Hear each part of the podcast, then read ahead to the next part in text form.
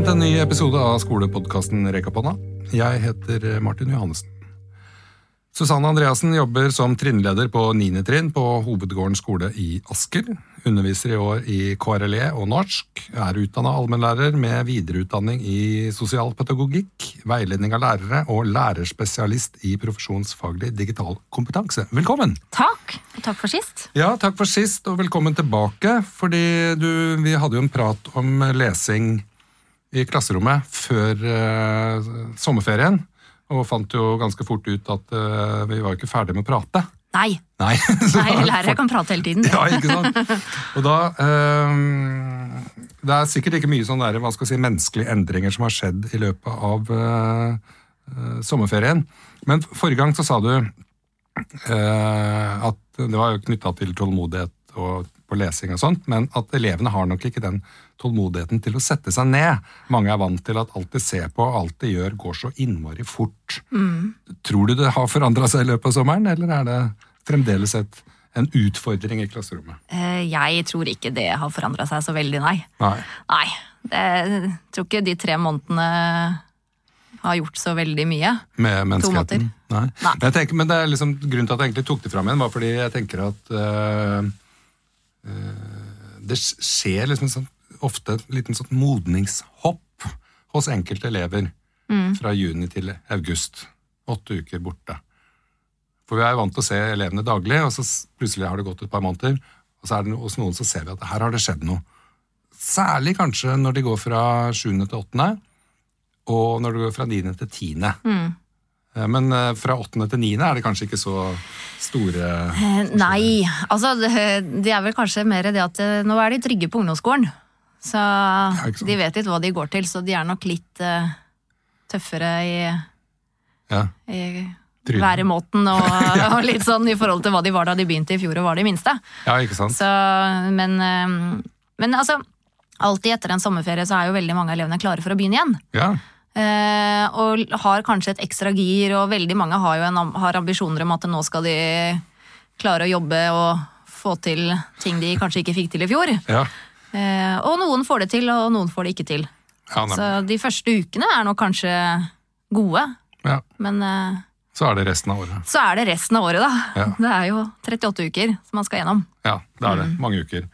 Men vi prøvde også å se bitte litt eh, grann inn i, i spåkula Ja. med fagfornyelsen. Hvordan det vil gå med lesingen i Fremtidens skole. Mm. Og mandag 17. august så starta jeg faktisk Fremtidens skole. Yes. Så har det gått helt fra Ludvigsen-utvalget i 2013 til eh, august 2020. Det er liksom det er nå vi på en måte begynner å jobbe med det som vi har kalt Fremtidens skole. ja. Eh, og nå skal, er jo det i gang. Fagfornyelsen eh, skal implementeres og alt det der. Og du sa forrige gang at du gleda deg du, til å starte med ny læreplan. Jeg gjør det. Ja, eh, og har gjort det. Og fordi at det, det er noe med at, eh, at den eh, fagfornyelsen er, For det første så er jo kompetansemålene færre. Eh, du har bedre tid til å på en måte gripe over det man skal gjennom på de tre årene som jeg jobber med. da. Og, mm, og så er den helhetstanken liker jeg. Du kan på en måte se progresjonen hele veien fra første klasse oppover til tiende klasse. Den syns jeg er fin. Og så det at du hele tiden kan se sammenhengen mellom eh, kompetansemål, kjerneelementer, grunnleggende, ferdigheter, de tverrfaglige temaene og andre fag. ja, Det syns jeg er mye bedre nå i forhold til hva Kunnskapsløftet var. ja, ikke sant? For det var mye mer sånn her er mitt fag og ditt fag. Men hvis, hvordan skal vi samarbeide? Nei, det vet vi ikke helt. Nei. Og det her med tverrfaglighet er jo et eh, ganske stort eh, tema. Og i, men i overordna del så er tverrfagligheten knytta egentlig bare til de tre tverrfaglige emnene. Ja. Eh, Og jeg snakka også med Hege Nilsen i Udir eh, i en episode her, og spurte henne om hvordan de skulle hjelpe eh, skolene med å jobbe f.eks. med demokrati i praksis. ja. Da sa hun at det, hun stoler på lærerne, at de veit hva de skal gjøre. At profesjonsfellesskapet til sammen skal finne ut av dette. ja. Er du enig i en sånn Eh, både, og, både og.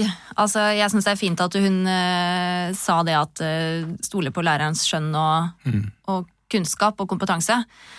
Men samtidig så er det, altså, er det noe lærere vil og ønsker, så er det jo enda mer eh, input og kanskje noe mer retningslinjer og eh, Ja, altså lærere er vel kanskje den uh, yrkesgruppen som suger til seg kunnskap aller mest. Er i hvert Ja. mitt inntrykk, da. Ja, på en god dag. som På en god dag, selvfølgelig. Men, og- for jeg merker jo det når vi er på kurs og seminar og sånn, at man ønsker jo de praksis, det, altså det som er praksisrettet. Det er det man ønsker seg. Ja. Men jeg har inntrykk av at ønsket om tverrfaglighet eh, blant skoler og lærere er større enn kravet om tverrfaglighet i læreplanene. Ja. Ja. Men det betyr Jeg jobber tverrfaglig på min skole. Vi er i gang med et prosjekt om månen. Innom de fleste fag. Så mange Og så må man kanskje klare å skille mellom sånn tverrfaglig og flerfaglig. ja. At man eh, kan jo også jobbe flerfaglig med samme tema uten at det nødvendigvis er et tverrfaglig prosjekt. Hvis man Ja. klarer å tenke forskjellen på det, da. ja og, og forskjellen ligger jo der. Så flerfaglig er på en måte hva de kaller det, i gåsetegn, det laveste Ja. eh, nivået av tverrfaglighet. Da. Ja. Mens integrert tverrfaglighet er det høyeste nivået. Ikke sant? Ja, at man har på en måte Men jeg tror nok at, eh, at man må Man jobber kanskje i of, større grad og oftere flerfaglig enn tverrfaglig, hvis man ser det. For jeg, altså, det er jo mye som skal skje i løpet av et skoleår, og det å tenke at man skal, for mange, da, bryte opp og gjøre helt andre ting, er kanskje utfordrende for mange. Ja. Men eh, det er jo også de prosjektene som er mest morsomme. Ja, akkurat. Ja. Men eh, Forrige gang så snakka du også om eh, at du likte den muligheten, at det var stor mulighet til å velge. Og at du kunne bruke litteratur til å forstå verden. Og det er sånn som jeg har tenkt litt eh, Det liker jeg òg. Ja.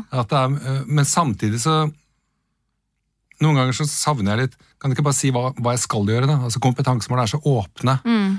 Kjerneelementene, som vi skal snakke litt om seinere, altså, det er så åpne. Det kan jo egentlig bety hva som helst. Inngang til litteratur, liksom. Ja, det vil jeg jo. ja. Jeg vil jo skape leseglede. Det vil jeg også. Ja. Hvordan skal jeg gjøre dette her?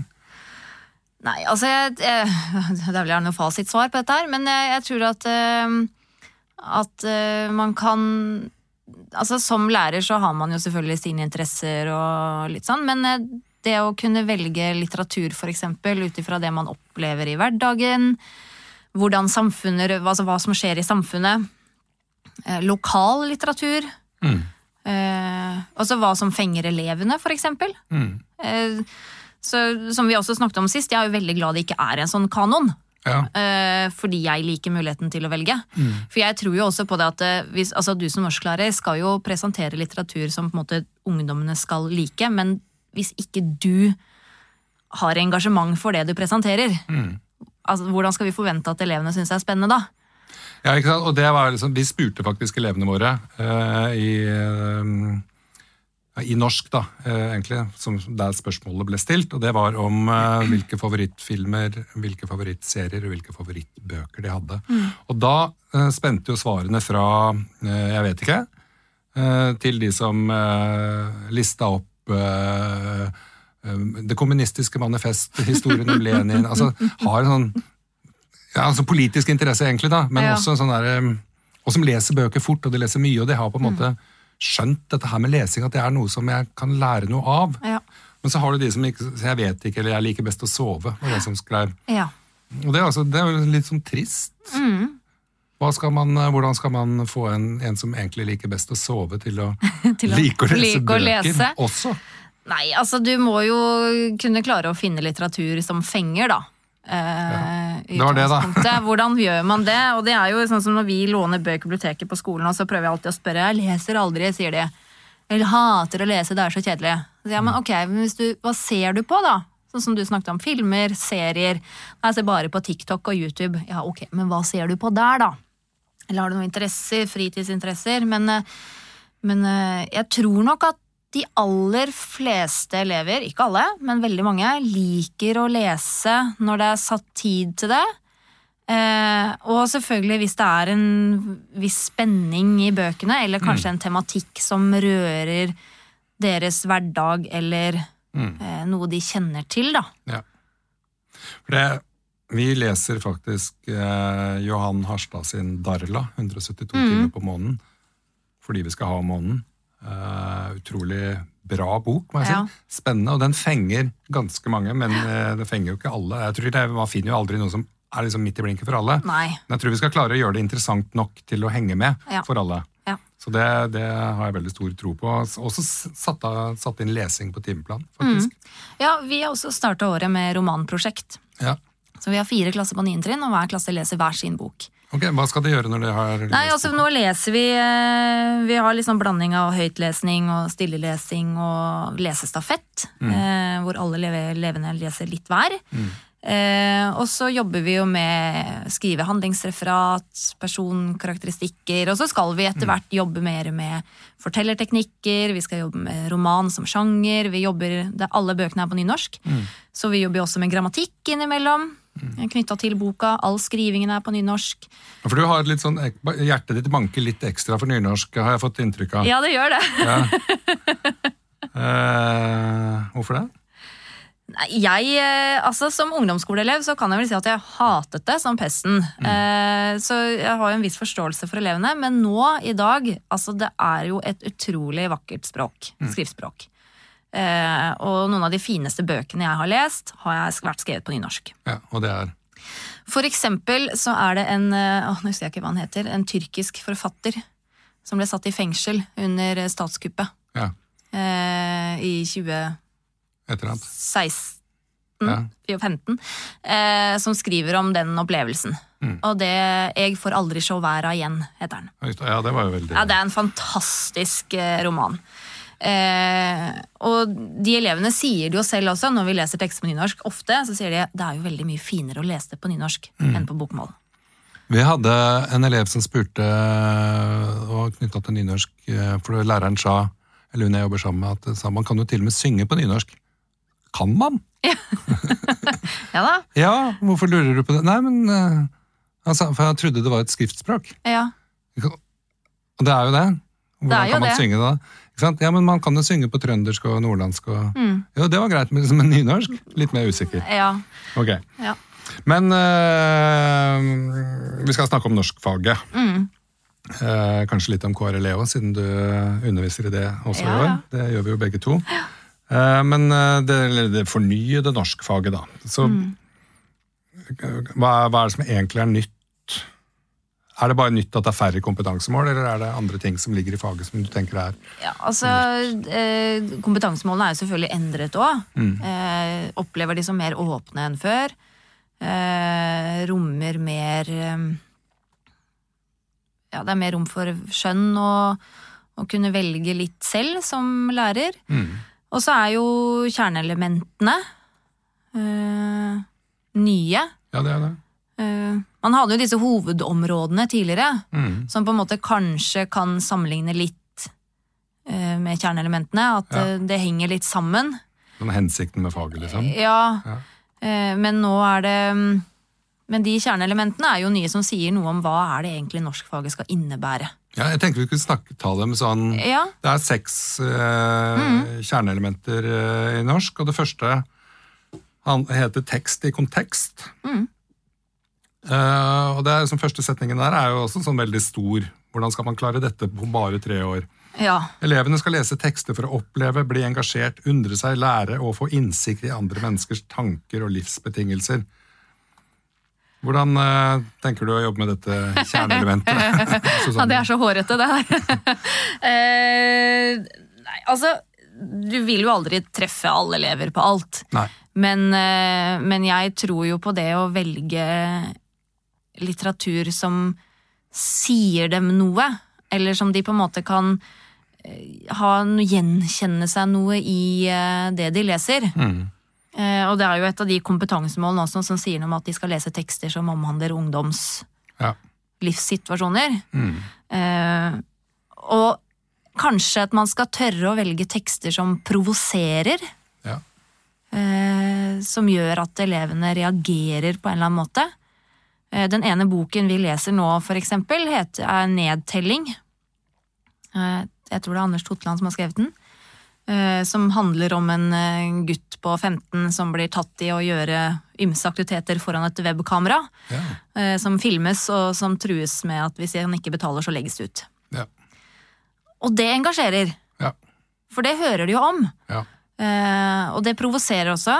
Og da tror jeg at hvis man klarer å få til litt sånn sterke følelser hos elevene, eh, så tror jeg også man klarer å trekke inn mange av de andre tingene. Altså at de er interessert i å lære mer, Ja. undre seg mer over hva er det som egentlig skjer, hvorfor skjer dette. Ja. Eh, Og så skal skal handle om elevens samtid, men det skal også ha sånn knyttes til kulturhistorisk kontekst, som jeg også tenker er sånn Hvilken del Hvilken kontekst i hvilken historie i hvilken kultur? Hva, hvor, Ja. hvor begynner man å velge tekster til noe sånt? I kontekst? Ja, ikke sant? Eh, nei, det er et godt spørsmål. Det er jo, der tror jeg også at eh, litt av den der eh, lærertradisjonen kanskje kommer inn. Jeg tror alle elever på ungdomsskolen har lest Karens jul, for eksempel. De har det? Ja. Og jeg tror nok at, eh, at der kanskje lener man seg mer på det man allerede har. Mm. Og så er man kanskje flinkere til å velge nye, mer ukjente forfattere når man skal snakke om det som har kommet nå. Mm. Elevenes samtid. Men det er jo kjempeviktig at de leser tekster som på en måte har om, altså omhandler et tidligere samfunn. Mm. Norge på 1800-tallet. Mm. Fordi at eh, det er jo noe med å se på hvordan samfunnet har endret seg, og veldig mye av den litteraturen som kom i for eksempel eh, realistisk litterær periode, kan man også bruke i dag. Absolutt. Og det er jo det å kunne klare å se hvordan litteraturen Ja, kanskje man ikke kan se på det på samme måte, kanskje ikke det gjelder her i Norge, men at det er realistisk for noen. Mm. Så tenker jeg også at, man, at det er egentlig en åpner for eh, sånn lokal historie også, da. Ja, jeg tror det. utgangspunkt utgangspunktet der, eh, der man bor, Ja. rett og slett. Hvordan var det her før? For 100 år siden? Ja. 200 år siden? Mm. Eh, neste kjerneelement er kritisk tilnærming til tekst. Mm. Den, den tenkte jeg når jeg kikka over dette her før sommeren, tenkte, den gir seg jo sjøl. Ja. Det handler om at man skal ha en kritisk tilnærming til tekst, men hvordan skal man ha den kritiske tilnærmingen? da? Hva, hva, hva innebærer det egentlig? Nei, altså, jeg tror først og fremst må elevene lære seg hva det vil si, da. Å være kritisk. Eh, og kanskje spesielt i det samfunnet man lever i nå, med så utrolig mye fake news og eh, Jeg tenker sånn, Man kan være, lære dem å være kritisk bare til det de ser på sosiale medier, for eksempel. Eh, på Instagram, hvor det er florerer av influensere uten utdanning som skal si og mene noe om et eller annet. Um, men de må, de må lære seg noe sånn, få noen sånn hjelpespørsmål, på en måte. Ja, Hvordan, eh, hvordan er man kritisk? Man snakker om dette med tone, eller toro, som vi også bruker.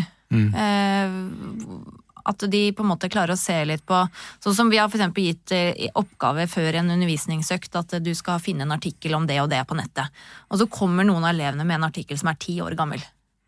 Mm. Da er du ikke spesielt kritisk. nei. Nei. Så Der, det- der, akkurat der har det skjedd en pussig ting eh, på, i nettavisene. Ja, for det står jo nå øverst. Ja, og det har kommet som en sånn type i forbindelse med Jeg tror det kom på en måte gjennom faktisk.no. på en måte, Mm. at det har det, Denne teksten er over ett et år, Ett år gammel, gammel. liksom. Kanskje du skal lete etter noe mer oppdatert. Ja. Ja. Men samtidig så kan jo den teksten som ble gitt ut for fem år siden, være akkurat den du leiter etter, og den er tipp topp. Det kan det. Da må man Det kunne tenke kritisk. Ikke også. sant? Man må jo det. Og det her er jo et, et, et, et kjerneelement som går igjen i veldig mange fag. Ja. Ikke sant? Det er jo ikke, er jo ikke noe som bare er særskilt for norskfaget. I Nei, men det handler om troverdighet, da. Ja, det gjør jo det. Mm. At elevene ikke skal ta alt det de leser for god fisk. Ja, men samtidig så er det jo også sånn eksempler på når du gir elever eh, tre tekster, eksempel, og Mm. bare den ene er sann, og så blir de helt forstyrra. Noen. Ja, men du Ja, kan jo ja. ikke gi meg på, noe på skolen som ikke er sant. Nei. Du forventer at det skal være sant. Ja, ja, ja. Og det er jo Sånn er det. ja. Ja. De tror på alt læreren sier, så det Ja, Hadde det enda vært så godt. Ja, men i hvert fall. i hvert fall. Men i, i det kjerneelementet så er det jo også at det skulle kunne reflektere kritisk da, over påvirkningskraft og, og troverdighet da, Mm. som ligger i en tekst. Så jeg tenker her er det mye man kan eh, jobbe med. Og da, jeg tenker sånn, her kunne man jo også, retoriske virkemidler står også som en sånn egen eh, begrep her. Med å holde taler, eksempel, Ja, ja. eller argumenterende tekster, eller leserinnlegg til lokalavisa. Ja. Her er, åpner seg jo masse. Appeller. Ja, Ja, ja. Og det er jo kjempegøy. Vi har hadde oppgave om appeller i fjor, og det syns elevene var kjempemorsomt. ja. Ja. Det er bra. For da hopper vi bare videre til muntlig kommunikasjon. Og det handler jo litt om appeller, gjør det ikke? Eller hvordan- Jo, det gjør jo det. Det å uttrykke og, og utfolde seg muntlig. Ja, eller den derre for positive opplevelser. Mm. Ved å uttrykke og utfolde seg muntlig. Ja, ja, ikke sant? Og for det, hvordan gjør vi det? For det er jo mange elever som utfolder seg muntlig i timen når de ikke skal. Liksom, Ja, ja. Når, når, skal vi på en måte hva skal vi si, Når er noe muntlig kommunikasjon, og når er det uro og forstyrrelser? Ja. Det, Kan man vurdere uroen? Ja, det kan man jo Det gjør man jo på en måte alltid, da. Det, elevene er jo, liker jo veldig godt å debattere og diskutere. Ja, Så noe av det er jo meningsfullt. ja det er jo det. Ikke alt. Nei, nei, Nei. men det, er- sånn er det jo med alle samtaler, tror jeg. Ja. Men uh, i klasserommet, da, så jobbe med appeller er jo én måte. Er det Mm. andre taler? Uh, Er det andre måter man tenker seg at eh, man kan jobbe med den muntlige kommunikasjonen i norskfaget da, og KRLE-faget? Et samfunnsfag, for den saks skyld. Ja, altså, eh, Det er jo ofte sånn at veldig mange elever syns det er veldig skummelt å holde presentasjoner. Mm. Og jeg tror at eh, noen lærere tenker at muntlig kommunikasjon, det er å holde en presentasjon. Ja. Det er å stå foran tavla foran elevene med en powerpoint, og så presenterer de noe de har jobbet med. Mm. Men det er jo et hav av muligheter å jobbe med. Mm. Eh, Jeg er jo så heldig at jeg jobber på en skole som har tolærer Ja. i norsk. Så vi kjører mye lesesirkel ja. hvor vi deler klassen i to. Uh, uavhengig av Altså med ulike måter hvordan vi deler dem. Det kan være gutter og jenter, det kan være ut ifra faglig nivå, det kan være helt tilfeldig. Um, hvor vi da sitter og leser en tekst sammen hvor alle skal lese høyt, og så snakker vi. Stiller vi lærerne spørsmål. Mm. eh, Den og samme snakker teksten, om, om, snakker om teksten. Ja. Og da kan man på en måte, vi kan sammenligne med andre tekster, vi kan jobbe med ord og begreper, vi kan jobbe med tematikk eller eh, lyriske virkemidler, eller ja. For vi har liksom planer om å drive mer med fagsamtaler ja. dette året her. Nettopp for at vi kanskje er i to treergrupper, eksempel. Mm. Og så har vi en samtale om en novelle eller en tekst eller en roman. Ja, ja. eller hva som helst. Ja, og jeg tror jo at det Altså elevene vil jo gjerne jobbe i grupper og i par og synes at det å jobbe individuelt kan være litt skummelt, og det er jeg jo helt med på. Um, og jeg tenker at skal vi gi dem gode opplevelser rundt det å være muntlig aktive, da, så må man kanskje så godt det lar seg gjøre legge til rette.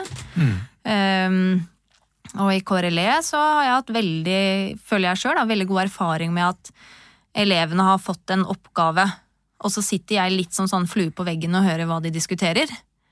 Uh, og det, det har også vært kjempefint. Mm. At de kan sitte og snakke litt sånn uten at de føler at læreren er den som styrer samtalen. Ja, det tror jeg kan være Ja, Og så er det det her med eh, tekstskaping, eller skriftlig tekstskaping. Eh, det syns jeg er litt sånn vanskelig å jobbe med. Eh, å produsere tekst i timen, rett og Ja. slett. Eh, og få det til.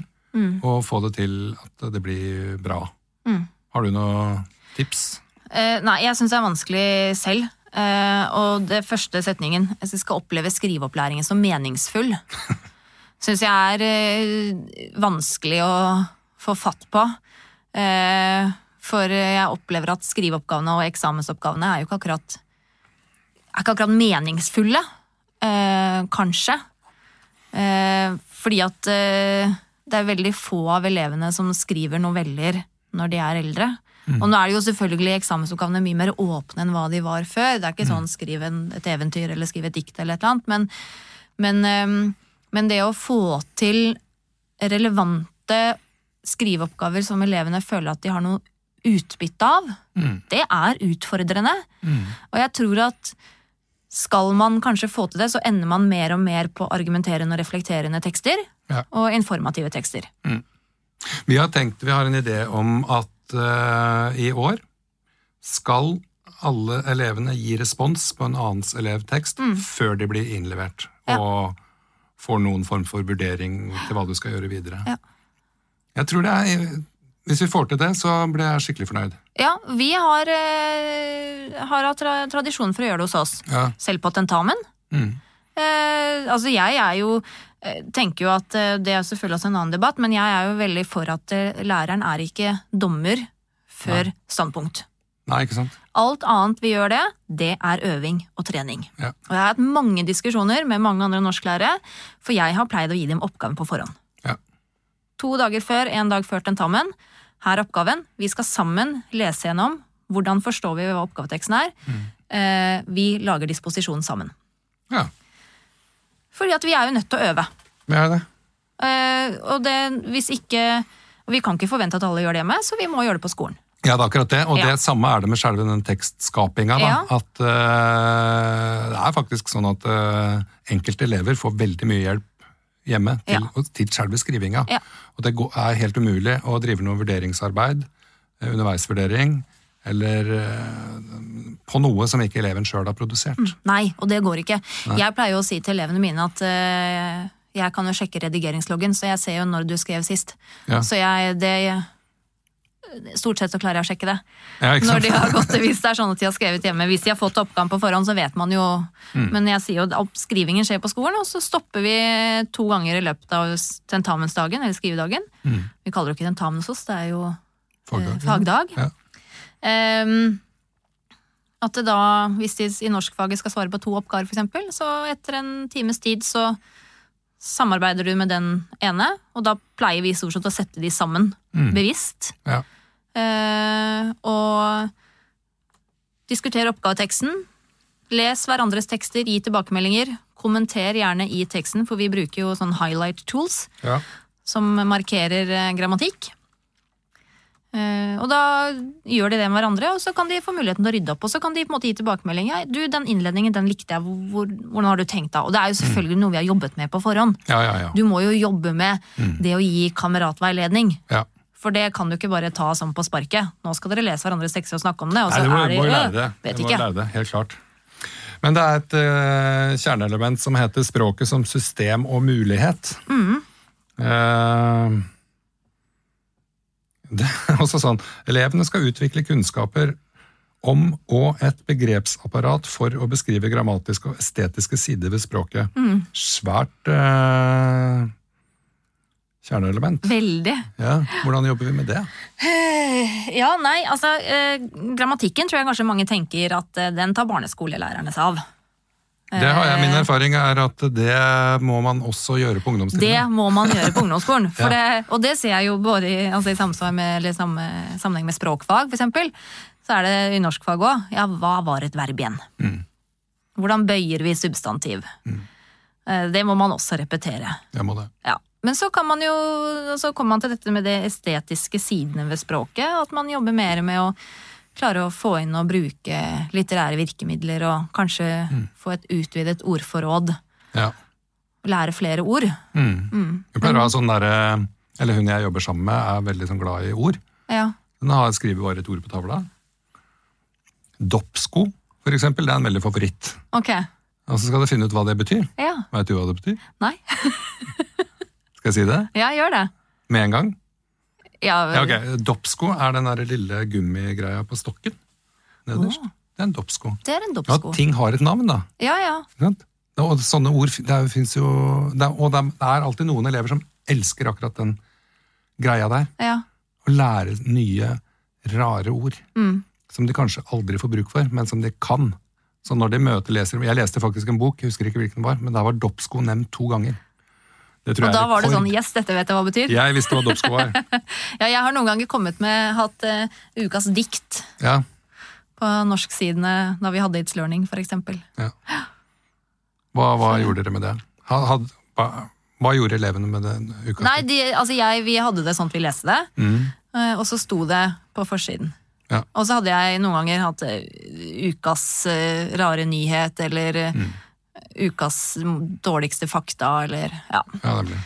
skape litt, litt, litt lek og glede. Lek og glede, for man skal jo Ja. faktisk utforske og eksperimentere med språket på kreative måter, står det her Mhm. i kjerneelementet, så da var du innafor der. Veldig bra. Og det siste, det er eh, Kanskje gir seg sjøl det òg, men jeg vet ikke helt. Språklig mangfold. Mm. Eh, altså kunnskap om dagens språksituasjon og historiske bakgrunn. Er, men det er jo mer enn bare eh, nynorsk og bokmål, jeg tro. Ja, Ja. vi jobber jo med språkhistorien hele veien. Ja. Og litt det å se sammenhengen med hvor man har gått fra urnordisk og opp til i dag, og hvilke ord som henger igjen, for eksempel. Mm. Eh, likheter med svensk, dansk, islandsk. ja.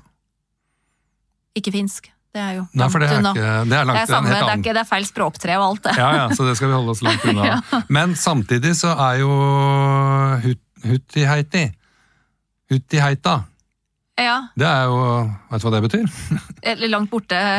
Ja, og man oppfatter det som huttiheita, Ja. men det er visst et finsk ord som betyr granskog. Det er det, ja. Det er litt morsomt. ja for det, vi bruker det jo på Noe langt langt uti huttiheita. heita.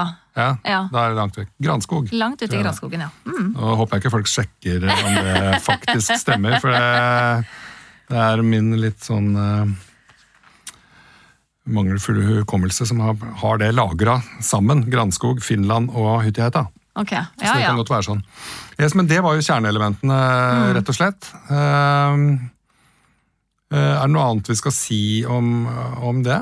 på en måte? Kjerneelementene, og hvordan bruke det og knytte det til kompetansemål og sånn? Eller syns vi at dette her gir seg helt sjøl når man leser dette, så skjønner man hva man skal gjøre? Nei, jeg tror at det som er viktig, eh, det er jo det planleggingsverktøyet som UDIR har laget. Som da, når du går inn via kjerneelementene, så kan du få opp kompetansemål. Og det tror jeg er viktig å se den, den tanken, den sammenhengen som er gjort der. Eh, fordi er alt man- henger jo sammen. Ja, for det er Når man går inn på den læreplanvisninga, så finner Ja. jeg kompetansemål og vurdering for etter tiende trinn, da, selv om det jo ikke gjelder for årets tiendeklassinger. ser bort fra det, Og så kan man trykke kjerneelementer, tverrfaglig tema, grunnleggende ferdigheter og progresjon. Forklaring av verb. Mm. Men det her var det planleggingsverktøyet du snakka om? Uh, ja, eller i hvert fall når du på, når du går inn og ser på kjerneelementene via på UDIR sine side, så kan du trykke inn uh, em, støtte til læreplanen, og Ja. der kan du se tilknyttede kompetansemål. Og det tror jeg er lurt, å se hvordan du Mm. Hva som på en måte er tenkt, og det kan jo hende at du som lærer klarer å se andre sammenhenger, Ja. men at, eh, men at her er det gjort en kobling allerede. Ja, ja, ja, og det er jo det. Og jeg liker egentlig den uh, biten av læreplanvisninga. Men noen ganger så syns jeg også at den blir litt sånn uh, vag, da. Mm. At man Jeg må uansett finne på sjøl hva jeg skal gjøre. Det må man. Så jeg kan trykke så mange ganger jeg vil inn i læreplanvisninga, og uansett så må jeg finne det ut sjøl. Ja. Ja. Men det er bra, syns du? Jeg syns det er fint, det. Ja. For det er du som kjenner elevene best. Ja. Og det er du som skal undervise i det. Så hvis UDIR, sånn som det var før med hva da, var i Form 97, hvor det sto at du skulle lese de fire store, ja. så er du mer låst.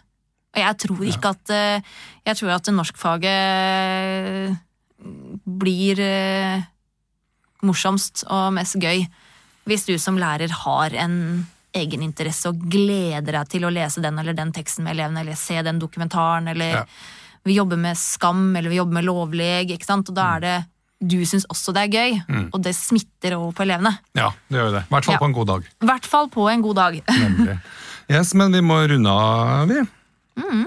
Rett og slett. Eh, men tusen takk, Susanne Andreassen, for eh, en prat om norskfaget. Ja, takk for meg. Og, og litt til, vil jeg Og si. litt til, ja. Ja, og takk for at du hørte på Rekk opp hånda. Husk å holde avstand, slipp elevene inn på bussen først. Gå til jobben hvis du kan. Bruk munnbind hvis du ikke kan. Vask henda, bruk antibac, og pass på kohorten din. Vi er straks klar med en ny episode.